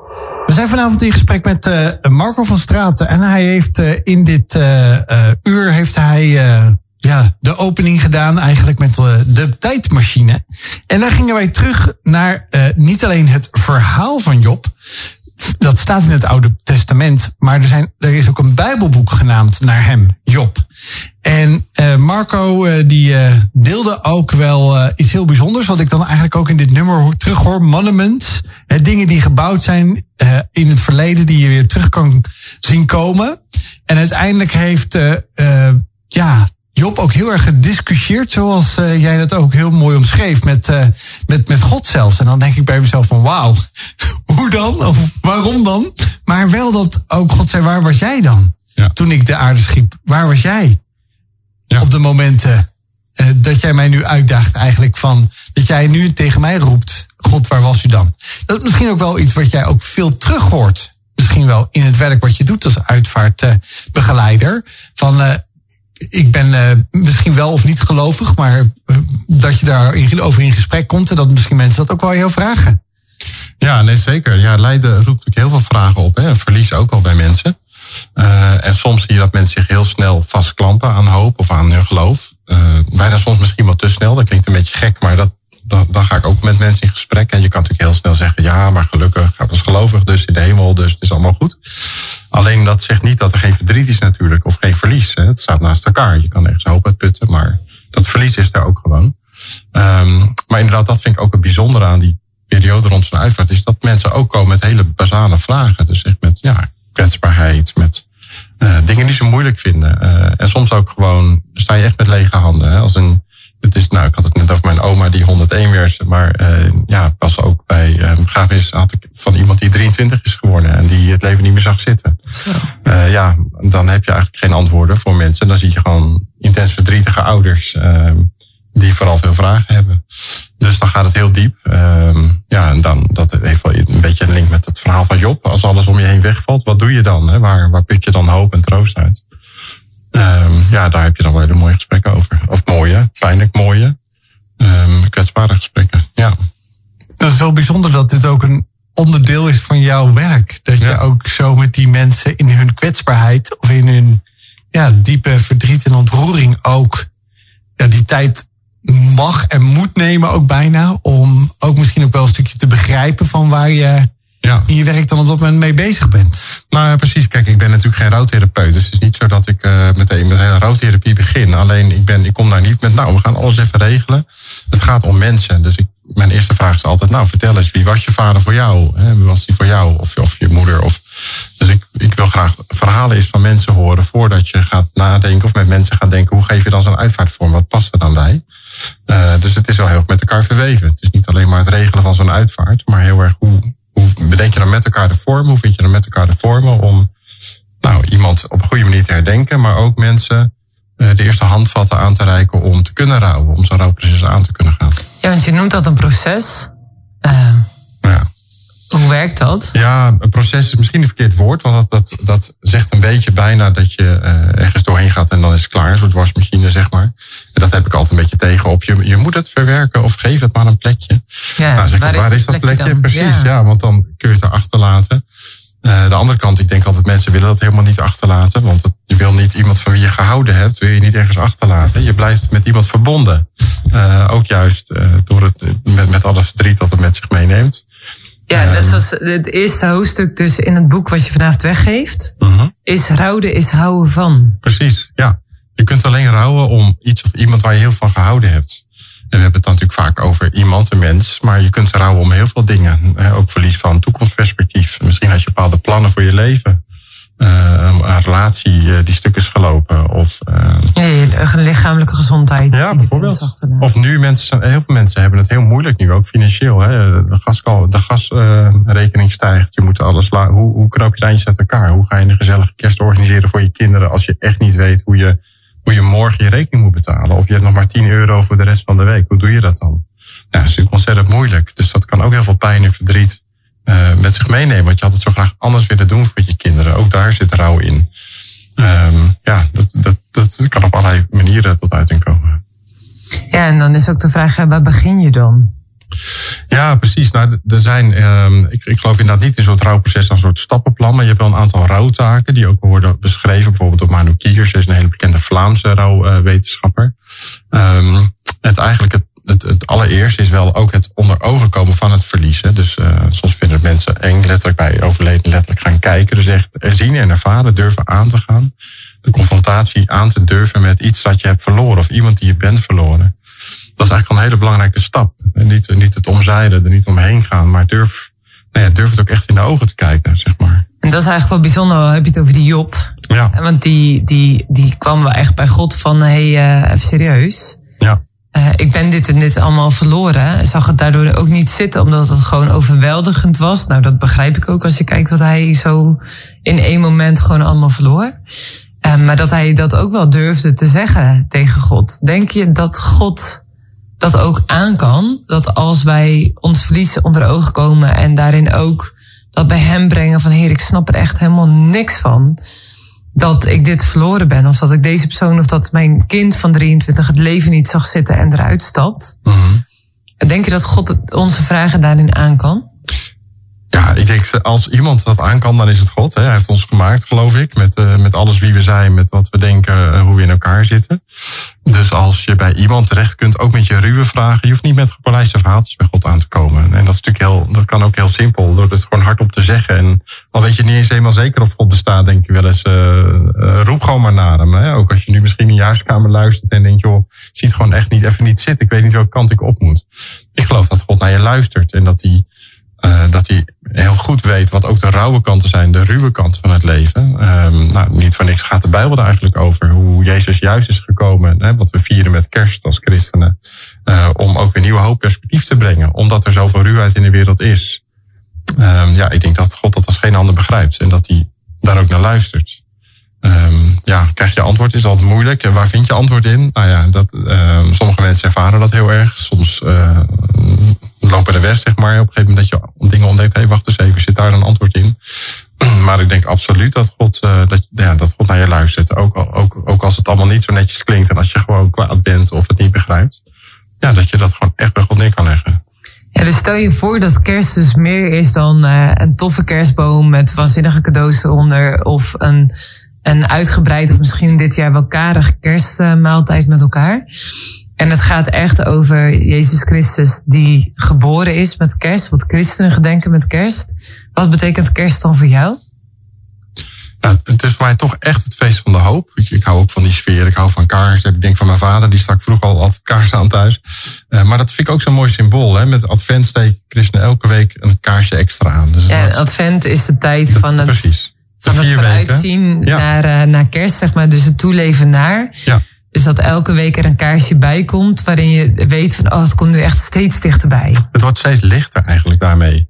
En dat is voor mij ook kerst. Dat als je goed om je heen kijkt, dat je ook die lichtpuntjes kunt zien. En zelfs al is het nog zo donker. Uh, soms in kleine dingen, in de glimlach van een kind, in een vriendelijk woord voor iemand, gewoon in de supermarkt. Waarom niet? Hè? Begin je kunt er ook gewoon zelf mee beginnen. Uh, dat vind ik ook zo mooi van het geboorteverhaal van Jezus in de Bijbel, uh, wat we vieren met kerst. Dat die ster aan de hemel verscheen, staat er dan. Verscheen een hele bijzondere ster en de wetenschappers begrepen daar niets van, hadden ze nog nooit gezien. Ook dat is weer het symbool van licht. Nou, dat is denk ik letterlijk wat we dan geloven, dat, dat Jezus licht in de wereld gekomen is. Uh, niet meteen als een felle spotlight nu per se, maar juist in die hele kleine lichtpuntjes om ons heen. En we hadden het net voor de muziek uh, over, uh, voordat we in de muziek belanden, en Marco eindigde over licht. En ik wilde eigenlijk nog een wetenswaardigheidje delen, Marije. Want ik vind het best wel lastige dagen, heel eerlijk gezegd dit. Zo donker, s ochtends vroeg donker, s avonds aan het eind van de middag, soms al om drie uur, dat je denkt: Oh, het wordt alweer donker. Ja. En dat het blijkt dat vandaag, Helga van Leur heeft gedeeld op Twitter dat het vandaag de meest donkere of de, de meest donkere dag is eigenlijk. We zeggen wel 21ste, maar dat heeft met zonsopgang en zonsondergang te maken, maar dat we nu weer toeleven naar het licht. Ik dacht bij mezelf toen we hier in gesprek waren over adventtijd, hè, dat we zeiden dat we kaars ontsteken, dat we naar kerst toeleven, dat we naar de geboorte van Jezus toeleven. Dat is mooi. Dat wist ik eigenlijk niet, want eigenlijk zit halverwege de adventtijd. Dus eigenlijk het moment dat daar de ommekeer is van duisternis naar licht. Dat is toch mooi, hè? Ja, supermooi. Hoe uh, ook dat door God misschien wel bedacht is. Supermooi. Ja. En wat voor weetje heb je vandaag? Nou ja, ik heb een weetje eigenlijk over de verjaardag van, uh, van Jezus. Die heeft vrienden gemaakt. Uh, dus ik ben, uh, ja, als je zelf zegt van laten we die ook nog eens even luisteren, dan kunnen we die natuurlijk wel eventjes aanzetten. Als je daar nieuwsgierig naar bent, natuurlijk. Altijd, Rien, die kan het zo tof vertellen. Ja, nou dan gaan we eens eventjes luisteren wat hij nu weer ver, verzonnen heeft over. ja, hij heeft het over de verjaardag van Jezus. Was Jezus jarig op 25 december? Ieder jaar vieren we op 25 december kerst. En kerst gaat over de geboorte van Jezus. Dus dan zal 25 december wel de verjaardag van Jezus zijn geweest, zul je misschien denken. Maar het bijzondere is dat de precieze geboortedag van Jezus helemaal niet bekend is. Maar we kunnen in ieder geval vanuit gaan dat het niet op 25 december is geweest. Sommige theologen denken dat Jezus in het voorjaar geboren moet zijn, omdat de herders buiten sliepen. En de reden waarom we kerst vieren op 25 december, dat komt door keizer Constantijn. Die voegde in de 4e eeuw een oud Romeins feest samen met de geboortedag van Jezus. Nou, lekker handig, dacht hij. En daarom vieren wij anno nu nog steeds kerst op 25 december. Kijk, dus eh, dat is alles rondom kerst en de verjaardag van Jezus. Eh, ja, wat tof. Wij hadden net het, uh, het gesprek over licht. En over ja, ook het uitzien naar licht. Het uitzien naar lichtpuntjes in je leven. En dat we die lichtpuntjes allemaal wel eens nodig hebben. Ook als je nu luistert, misschien zeg je echt, ja, weet je, man, ik, uh, mijn leven, het, alles gaat voor de boeg. De wind zit in de zeilen en ik geniet zo enorm van mijn leven. Maar het kan ook zijn dat dit juist ook wel een tijd van het jaar is waarvan je zegt van, ja, uh, lastig en uh, misschien wel eenzaam of uh, soms ingewikkeld. misschien ook wel als het aankomt op familie of over verlies of wat dan ook. Maar Marco, ik ben ook wel benieuwd, al heb je het over licht. ja, wanneer had jij in je leven het moment dat je echt jezelf realiseerde... ik heb gewoon echt licht of verlichting nodig, lichtpuntjes of... Ja, waarin je zegt van, voor mij is Jezus daarin belangrijk. Ik geloof dat God alles geschapen heeft. Hoe is dat voor jou ontstaan, zeg maar, dat je dat jezelf realiseerde? Um, ja, een voorbeeld waar ik nu meteen aan denk, dat is misschien wel een van de meest impactvolle periodes in mijn leven, was 2014. Toen ben ik uh, ziek geworden, uh, flink ziek ook. Uh, ik had een uh, vrij zeldzame auto-immuunziekte, acute sarcoïdose. Dat is een soort ontstekingsziekte, waardoor nou, van de een op de andere dag was ik hartstikke ziek, kon ik geen drempels meer overstappen. Zo. Begreep ook niet wat het was. Lijkt op een soort hele zware reuma ineens en nou ja, huidontstekingen van alles. Um, dus ik zat ineens binnen twee, drie dagen ziek thuis en ik kon bijna niks meer. Dus ik, zelfs een glas water in de keuken halen was een heel project. Ik wist echt niet hoe ik dat moest gaan doen, zeg maar. Dus, uh, een soort van Job-ervaring, zeg maar. Nou ja, daarom. Ja, precies. Het is ook niet heel toevallig dat ik die noemde misschien. Uh, gelukkig uh, niet mensen om me heen verloren toen, maar wel, dat was super intens. Um, nul energie ook. Zelfs ik, ben, ik dacht wel eens van hoe is mogelijk dat ik nog blijf ademhalen. Hè? Dat je te moe voelt om adem te halen. Bang bent dat je daar geen energie meer voor hebt. Um, was in najaar, oktober. En dat, nou ja, dat was ook niet bekend welke kant het op zou gaan. Het kan ook chronisch zijn, het kan alle kanten opgaan. Het was eerst onduidelijk wat het was, dus je had je van alles in je hoofd. Um, nou ja, zo echt dat na een paar maanden mijn dochter dat ook al zei. Van nou pap, ik ben bang dat je niet meer beter wordt. En ik had geen beter antwoord toen dat ik zei, ja, dat ben ik eigenlijk ook wel bang voor. Dus, um, nou ja, en ik koos er toen voor. Ik wilde eigenlijk altijd alles een keer retraite doen in een klooster. En uh, nou ja, ik dacht, nu heb ik tijd. Want ik gunde mezelf daar nooit de tijd voor, want altijd maar druk, druk. Dus, uh, dat heb ik toen gedaan. Toen ben ik naar de Paulusabdij in Oosterhout gegaan. Ik heb een stilte retraite gedaan van vijf dagen. Zo, dat is, uh, dat is, ik heb een keer iemand gehoord ja. en die zei echt na dag drie, is dat echt heel heftig. Ja, dat klopt. Die stilte zo confronterend is. Ik vond het toen juist echt heerlijk, want ik was zo uitgeput. Ik dacht, nou heerlijk, geen verhaal aan mijn hoofd, helemaal niks. Ik hoef daar ook even niks. Ik ga dat gewoon aan. Nou, um, ik ga gewoon kijken wat daar gebeurt, wat ik meemaak. Uh, nou, ik vond het heel bijzonder. Dus het was inderdaad ook heel fijn dat je, je zit met mensen te eten ook heel raar aan de ronde tafel. Maar je wisselt geen woordje, wijst naar de pindakaas en nou zo uh, gaat het verder. Um, en nou ja, wat voor mij heel bijzonder was, je hebt dan ook allerlei, je krijgt opdrachten mee, bijbelteksten waar je dan op gaat mediteren. Daar hebben ze allerlei uh, uitleg voor, technieken hoe je dat kunt doen. en eigenlijk misschien toen wel voor het eerst, waar ik echt het gevoel had, alles om me heen valt weg. Wat kan ik nog? Wie ben ik nu nog? Uh, wat doe je ertoe? Het was wel een beetje alsof dat bijna een soort les van God ook was. Ik geloof niet per se dat hij mij ziek heeft gemaakt, maar toen ik daar was en ook eindelijk de tijd nam om eens tot, rust en stilte te komen, wel heel bewust ervaren alsof hij tegen me zei van, uh, ja, dit is alles wat ik van jou vraag. Dat je gewoon er voor mij bent. Dus uh, ja, ik noemde dat wel dus letterlijk de vrede van Christus staat ons in de Bijbel. Echt heel diep die vrede ervaren. Van het is gewoon goed uh, zoals het nu is. Terwijl je echt het gevoel hebt van ja, ik doe echt niks meer dan nu stil zijn en hier zijn. En uh, dat was voor mij ook wel een beetje de essentie van wat misschien wel geloof is. Of wat er in de Bijbel staat. Van dat je dus helemaal niet beter hoeft voor te doen dan je bent. Je hoeft niet altijd maar te rennen en te vliegen. Wat voor mij heel apart is, want ik ben wel zo iemand die altijd uh, druk is met plannen en ideeën. Dat doe ik nu weer. Dus die les is misschien niet heel lang blijven hangen. Maar als ik daar naar terug ga, denk ik wel, dat was wel een heel bijzondere ja, periode. Als je kijkt naar onze maatschappij, is dat wel het tegenovergestelde. Want ja. in onze maatschappij gaat het om succesvol zijn, jezelf uh, laten zien, ja. mensen overtuigen dat je dat in huis hebt wat zij vooral moeten weten. En jij ontdekte daarin dat klooster, zelfs als ik niks meer kan, ja. als zelfs ademhalen moeite kost. Ja, dat je met lege handen staat. Hè? Dat, dat dan nog, dat God ergens zoiets tegen mij zei van, ja, maar dit is wat het is. Weet je wel, het is, ons, het is gewoon goed. Je bent er nu, zoiets bijna. Van, uh, je bent er, je tijd voor me. Zelfs als je niks meer doet, je hoeft niks voor me te doen, maar je hoeft alleen maar voor me te zijn. Dat idee eigenlijk. En wat deed dat met jou? Ja, dat raakte me wel heel diep. Dat heb ik ook echt wel mee naar huis genomen. Ik heb ook een brief, je kon ook een brief schrijven, een brief aan mijn gezin geschreven, eh, waarin ik dat ook wel verwoordde. Eh, ja, dat was gewoon heel bijzonder. En dat is nog wel iets wat altijd wel bij me blijft. Ehm, ik ben nog steeds geregeld, eh, misschien wel te druk, zeggen mensen om dan ook wel. Omdat dat in mijn aard zit, maar ik kan daar wel naar terug, zeg maar. En uh, daar moet ik dan ook wel bewust voor kiezen. Um, ja, dat, dat blijft wel heel bijzonder. Is dat ook wat je doet in de natuur? Wat Joost aan het begin zei van uh, dat je juist ook als je in de rust wil komen, dat je naar buiten gaat, dat je gaat fietsen, racefietsen, uh, ja. gaat struinen, dat dat ook de plekken zijn waar, waar je weer even terug kunt gaan naar dat moment van, oh ja. Ja. Even herademen eigenlijk. Hè? Ja, Mirjam van der Vecht is zo'n schrijfster. Die is nu ook heel populair met haar boek De Kracht van Stilte. Um, en daar, dat, dat gaat daar ook eigenlijk over. Dus dat je dat ook nodig hebt als mens om te herademen. Om jezelf ja, dat is ook de term die zij daarna geeft. Herademen. Ja, precies. Om echt stilte aan te gaan. En dat is ook wat je net ook zei. Ook best wel pittig. Want zo'n derde dag van de stilte is vaak een lastige. Want dan denk je op een gegeven moment ik wil weer uit. Want het wordt, de muren vliegen bijna op je af. Maar dat je dan toch doorzet. Uh, dan, ja, dan, dan komt er zoveel in, je, in jezelf ook tot rust, tot stilte. Dat je weer meer gaat ontdekken wie je eigenlijk bent. Het is eigenlijk een aanrader voor iedereen die luistert. Uh, ja. Het is super spannend. Ja. Het is heftig. Maar uh, geef niet op naar die derde dag, maar ga, uh, plan eens voor jezelf in om een vijf dagen naar zo'n klooster te gaan. Ja, en je hebt ze ook wel een korter hoor. Ze hebben inmiddels ook een 48 uur versie. Uh, maar dan ben je net niet op maar, die derde nee, dag. Nee, daarom. Als je het echt aandurft, maar dat is dan een soort opstap als mensen het niet aandurven. Maar ik denk, nou, gun het jezelf gewoon eens. Je hebt ze in allerlei vormen, allerlei soorten nu.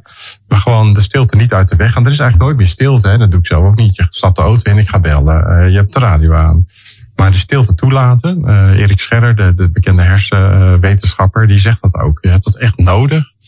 Uh, zelfs tijdens je werk. Ja, jij zet even lummelen op je werk, even niksen. Waarvan je denkt, nou, die zit te niksen. En dat is ook belangrijk om je hersenen bijna even te resetten, tot rust te brengen. Ja, dus ja dat stelt Mirjam in haar boek ook, De Kracht van Rust. Dat je ja. dat ook echt nodig hebt. En Joost, heb, je, heb jij wel eens zo'n uh, tijd in een klooster gehad? Nee, ik heb nog nooit een retreat uh, moment gedaan. Ik heb Goed eigenlijk... voornemen voor 2023.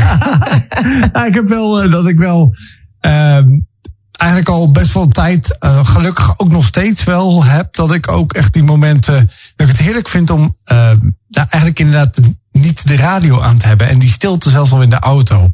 En mensen dan zeggen, ja, maar dan gaat je hoofd tollen en dan gaat die agenda in je hoofd komen.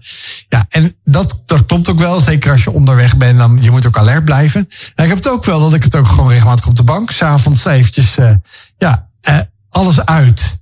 En dan, ja, lig ik, en dan, ga ik, dan, val ik niet in, dan, ga, dan val ik niet in slaap. Ja, nou ja, dat zeg jij maar, Rijen. Maar, maar ja, ik denk ook dat vrouwen dat kunnen. Ja, Alleen, het is een mindset. Ja. Want wat ik wel interessant vind, Marco, jij zegt de derde dag.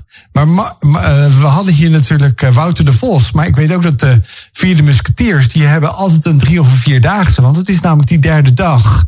Dat je even uit die comfortzone bent. Dat je die mobiel, nou ja, zij hebben dan, levert die mobiel in. Het is niet dat je niet bereikbaar kan zijn. Want er is wel echt wel iemand die dingen. Ja, satelliettelefoon, uh, ja, satelliettelefoon heeft. Of weet je, als er nood aan de man is. Of als je echt bereikbaar moet zijn, dan kan dat. Maar wel gewoon even uit die hele ja, hectische wereld waarin wij leven. Want ja, we worden gewoon natuurlijk geleefd. Ja. Uh, ja, en het klinkt een beetje, we zeiden het hier eventjes toen Marco binnenkwam even aan tafel voordat we de studio ingingen. Dus we zeiden ja, en nu, je, je vanavond niet je werk aan. Nee, hij zegt telefoon, nou ja, kruis in de agenda, maar gewoon, ja, de telefoon staat nu doorgeschakeld naar iemand anders. Ja. Maar snap, snap je, maar kijk, dat hoort natuurlijk een deel bij je werk. Dat is natuurlijk ander verhaal, maar aan de andere kant, ja, we kunnen ook niet meer zonder, uh, bijna 24-7 staat dat ding aan. We slapen ermee naast ons bed. Uh, we staan ermee op. Uh, privé- en werkverhoudingen, die lopen allemaal door elkaar heen. Het is heel moeilijk om zoiets daarvoor te kiezen. Is, is ook moeilijk hoor. Ja, als mijn vrouw dit, dit hoort, dan gaat ze ook alweer lachen van, nou, mooi voorbeeld geef je, maar ga, ga er maar eens mee beginnen. Want ik, ik merk dat deze week ben ik ook veel te druk. En dan denk ik wel weer eens aan die retret terug laten zien, ik moet dat weer eens doen. Maar het is nog mooier als je het wat meer in je leven kan inbouwen. Hè. Ik heb bijvoorbeeld al mijn WhatsApp geluidjes op stil gezet. Dus uh, ik ga niet de hele dag pliep, pliep, want ik pak je, je gaat altijd weer kijken.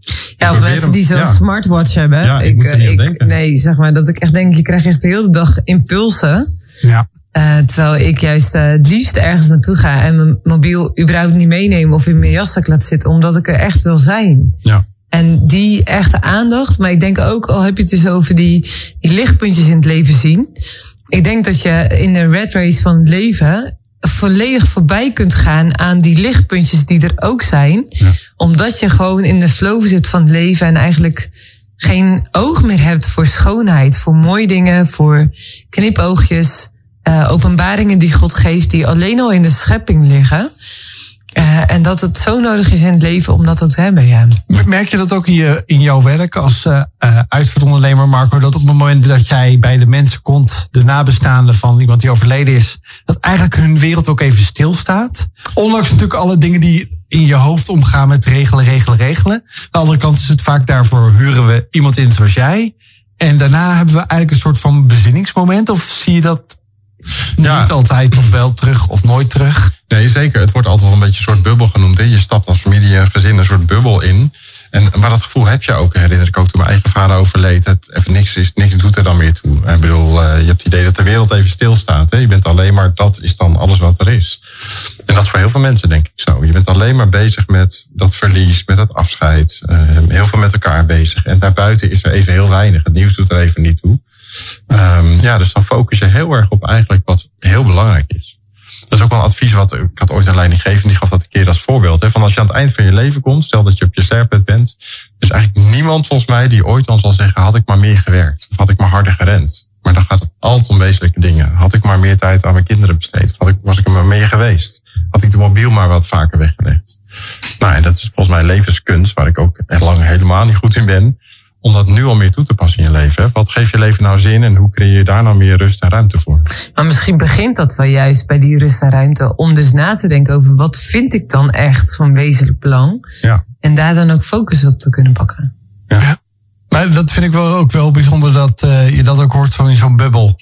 Dat je in zo'n bubbel komt en dat niks ertoe doet. Dat is gek dat het dan, dan eigenlijk alleen maar kan.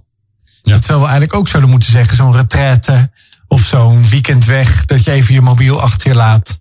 Want jij zegt natuurlijk wel van ik probeer het, maar lukt dat ook al bij jou Marije om die telefoon uh, in, je, in, je, in je jas te laten of uh, niet uh, bij je te hebben? Nou, ik denk 90% wel. Ik vind het echt een traditie waar ik echt op probeer te letten. Omdat ik het zelf echt super irritant vind als mensen een mobiel pakken als ik ergens ben omdat ik dan echt denk van ja, zeg maar, wat is er nou dus belangrijker dan dit moment nu? En natuurlijk, als er iets speelt, is dat zeker uh, geen probleem. Maar het is zo'n vanzelfsprekendheid geworden, zeg maar, dat als je op vakantie bent en je zit in een restaurant, zit iedereen met zijn mobiel. Er is gewoon geen mhm. connectie meer. Dat, dat ik denk, uh, we zijn gemaakt om ons te verbinden met elkaar. En ondertussen voelen we ons allemaal stik eenzaam. Is dat het grootste probleem in onze maatschappij? En dat begint gewoon met jezelf durven verbinden. En misschien is dat wel oncomfortabel omdat we het zo weinig nog maar doen. Maar daar ligt leven. Daar liggen misschien wel de grootste lichtpuntjes in het leven. Even los van dat God licht is en licht wil brengen in ons leven. Als wij mogen ontmoeten. Maar dat juist ook in die verbinding echt heel veel rijke schatten liggen. Mooi dat je dat ook zo uh, zegt. En ik denk dat uh, Medissa met uh, Unspeakable Joy daar een prachtig nummer over heeft gemaakt. Welkom terug bij uh, ja, ons programma op woensdagavond. En uh, we zijn altijd met een spraakmakende gast uh, in gesprek hier in ons programma Wild Fate. En vanavond is dat Marco van Straten. En ja, we hebben het over zijn bijzondere ommekeer gehad als ja, mediaman en naar uitvaartondernemer. en hoe dat gekomen is, hoe hij daar ook goed over nagedacht heeft. En hoe een, een moment in zijn leven impact daarin heeft gehad. We hebben ook dit afgelopen uur gesproken over stilte. En uh, ja, hoe dat uh, impact in zijn leven heeft gehad. En we hebben het ook over het licht gehad. En ja, veel mensen zien ook natuurlijk de kerstperiode de, waar we naartoe gaan als een, ja, een lichtjesfeest. Maar die denken alleen maar aan de lichtjes en aan de boom. Maar die vergeten eigenlijk de essentie van dit verhaal. Dat we in ieder geval een markering willen hebben van Jezus zijn geboorte. En dat heeft Rino ook wat in het Bijbels weet je over verteld. Uh, maar uh, dat even terzijde. Dat kan je ook terugluisteren aanstaande zondag nog een keer in de herhaling of via de podcast. Maar ja, we hadden het ook over Marco die zijn boek vanavond beschikbaar stelt. Dus als je via de socials van uh, Walt FM eventueel je naam invult bij de story op Walt FM, de Walt Foundation, dan maak je kans op dat boek. wat, wat is voor jou ook die drive, eh, Marco, om eh, ja, niet alleen dit boek, maar ook je, je andere boek. Ik weet niet, misschien heb je hebt wel meer boeken trouwens geschreven, maar in ieder geval twee boeken Dat geschreven. eigenlijk wat zeg, na drie zijn het er. Oh, ja. drie, oké. Ja, die eerste, dat was, eh, ik val niet uit zijn hand. Dat, hij gaat heel erg over wat ik net vertelde, over die stilte retreat en over wat ik meemaakte in een jaar van ziek zijn. En waar put je dan hoop uit? dus wel een beetje het thema ook van hè, wat we net bespraken. Een beetje last van mijn stemmerk inmiddels. Zo, even Ehm nee, dus, maar die is, al, die is uitverkocht, is niet meer verkrijgbaar. Nee, maar Als is, is het meest recente boek inderdaad. Ehm dan ben ik heel even je vraag kwijt. Sorry, Ja, ik zit even mezelf even af te... Uh, waar- waarom, eh, wa- wat, wat je drijf is om deze Ja. boeken te schrijven eigenlijk? Want het heeft allemaal... Nou ja, je zegt dat één boek heeft het te maken met een ziekteperiode. De ander heeft natuurlijk ook met rouw te maken. Eh, dat, dat, dat, dat kijkje in de hemel eigenlijk. Hè? Ja. Dat, dat zijn natuurlijk wel vragen die je ook bij jezelf af, bij jezelf stelt. Ja, het zit denk ik gewoon in me. Ik, ik hou van om verhalen te delen. Nou, hoopvolle verhalen, dat vind ik belangrijk. Ik had ik al op de basisschool. Vond ik het al heel leuk om eh, nou, opstellen en verhalen eh, te delen. ik herinner me nog van een keer dan eh, de, de eerste die het verhaal geloof ik af had. Dan mocht je het verhaal vertellen in de klas. Nou ja, raad het al. Ik had dan denk ik half af. Er was de tijd om. En ik zwaaide al dat hij klaar was. Dus ik mocht hem dus meteen vertellen. Nou, dus ik moest hem op dat moment uit mijn hoofd zien af te maken. Dus nou, dat was wel een beetje hilarisch. Maar goed, op een manier heb ik die drang om verhalen te schrijven en te delen. Ehm en nou ja, goed, ook vaak wel met, met interviews. Hè. Dus niet, ik denk zeker niet dat ik alle wijsheid in pacht heb. Maar ik vind het wel mooi om ook op zoek te gaan naar hoopvolle verhalen. Heb, je, heb je een eh, heel mooi voorbeeld uit, eh, eh, uit een van de boeken? Dat hoeft niet per se het laatste boek te zijn, maar van je dan denkt van... toch zie ik dat of hoor ik me dat veel vertellen. Ja, het zijn maar heel veel verschillende voorbeelden. In Als Leverrouw is deel ik ook een aantal verhalen van mensen, ervaringsverhalen. Hoe ben je nou zelf omgegaan met verlies? Um, en ik vind het altijd heel indrukwekkend. Er staat een verhaal van een vader die ook zijn dochter jong is verloren. Zij is 21 geworden. Ja, ik vind het gewoon heel ontroerend mooi hoe hij uh, vertelt dan hoe hij dan nou, bijna elke dag wel op de begraafplaats komt. Um, om daar gewoon bij haar te zijn, stil te zijn. En dan verzorgt hij de plantjes. En dan praat hij daar ook met God. Uh, misschien wel een beetje zoals Job deed. Hij zal ook zijn vragen daar hebben. Uh, want hij zegt dan, dat is eigenlijk mijn fijnste tijd. Ik voel me dan heel dicht bij God. En dicht bij Deborah, dicht bij mijn dochter. Um, ja, dus hij heeft eigenlijk een soort eigen ritueel gevonden. Waar momenten ja, van verstilling eigenlijk ook alweer. Hij werkt uh, in, in de aannemerswereld, in de bouw. Uh, een super drukke baan. De telefoon staat nooit stil. Maar daar gaat de telefoon wel stil en op uit. En dan is hij gewoon een paar minuten, soms langer, is hij daar gewoon. Uh, dus nou, dat vind ik ook wel een heel, heel mooi voorbeeld van hoe mensen ook rituelen zoeken, vormen zoeken om steeds stil te staan bij het verdriet. En dat ook de ruimte te geven. Weet je wat ik nou zo bijzonder vind? Je schrijft over rouw, over ziekte, over lijden. Mm -hmm. En je hebt het verlangen om hoopvolle verhalen te delen. Ja. Dat lijkt haast een tegenstelling. Ja, dat is ook wel pittig. Is, is soms ook moeilijk. Hè? Als je midden in verdriet en, en lijden zit, of je bent hartstikke ziek, ja, waar put je dan je hoop uit? Ja, dat is misschien met, meteen wel een van de meest basale vragen in ons leven. Hè? Wat geef je nou hoop als je het eigenlijk niet meer zo ziet zitten, als het moeilijk is? En dat is misschien ook wel een soort uitdaging voor ons allemaal, om daar nou op zoek te, op zoek te gaan. Uh, en ik denk dat het mooi is als je dat dan kan delen. Dat kan voor iedereen anders zijn. Wat jij hebt ontdekt kan misschien een ander weer een klein stukje verder helpen. Uh, overigens ook zonder het daarmee het verdriet van ander weg te vagen. Je moet juist heel oppassen, denk als iemand verdrietig is om met je eigen verhaal te komen. Ik heb dat ook meegemaakt en toen heb ik het dus en zo opgelost bijna. Ik gun iemand juist de ruimte om zijn eigen verdriet te ervaren en te beleven. Zijn eigen weg erin te zoeken. Uh, en, en let erop dat het naast elkaar kan bestaan. Het verdriet kan staan naast iets waar je hoop uit put. Hè. Je kan heel gelovig zijn misschien. Vertrouw op een leven na dit leven. Maar dat zegt niet dat je niet heel verdrietig bent. Omdat iemand hier nu niet meer is. Je iemand heel erg mist. Ja, dus dat kan echt naast elkaar bestaan. Ja, ja. Dus uh, hoop en verlies, verdriet.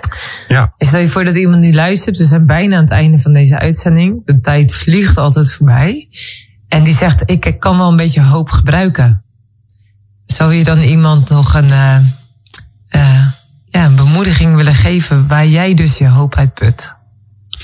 Um, ja, dat is een hele diepe vraag meteen inderdaad. Um, ja, voor mij, waar, ik mijn hoop uit put, is... Um, ik, ik weet heel veel dingen niet als het gaat om geloof. Ik schrijf er dan over, maar ik heb misschien wel meer vragen dan antwoorden.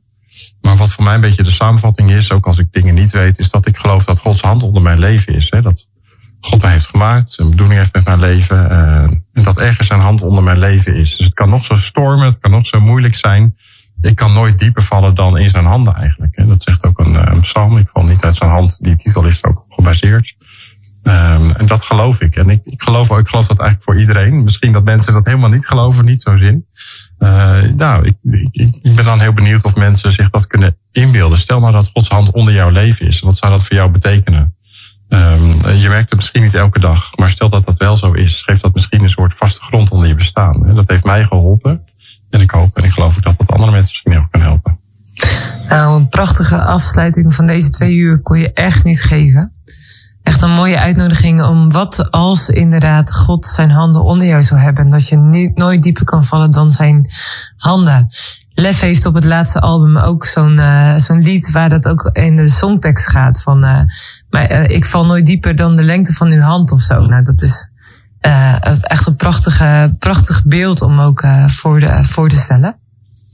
Het was, het was een hele diepe uh, inspirerende aflevering vanavond. Ook in deze dagen misschien ook wel, hè, waar we het ook over hadden. In die donkere dagen waar ook licht is, waar leven is, waar hoopvolle verhalen worden gedeeld. Waar ook veel verdriet langskomt. Want ik kan me ook goed voorstellen dat juist in deze dagen, als er misschien wel een dierbare ontvalt, dat, dan zit je vaak met van, oh, die kerstperiode of dat uh, eind van dat jaar.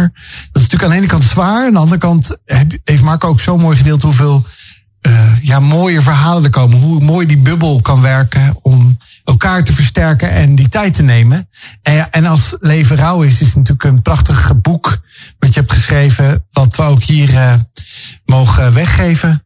Uh, bij Walt FM, bij Walt Fate. En ga daarvoor naar de socials van, van onze zender. En vul daar even je naam in en maak kans op dat boek. Uh, we geven altijd dat unieke moment kunnen we weggeven. En je kan het jou helpen en ook vele anderen. Dankjewel daarvoor, Marco. Ja, graag gedaan. En jullie bedankt voor de, voor de uitnodiging. Volgende week zitten we in de studio met een kunstenares.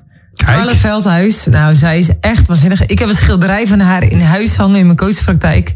Ah, en iedereen zegt, wat is dat waanzinnig. Dus ik kijk enorm uit naar volgende week. Nou, dan zeg ik ook, uh, ik kijk daarmee naar uh, uit ook uh, volgende week weer als we weer live hier mogen zitten. Marije, tot volgende week. Zeker, tot dan.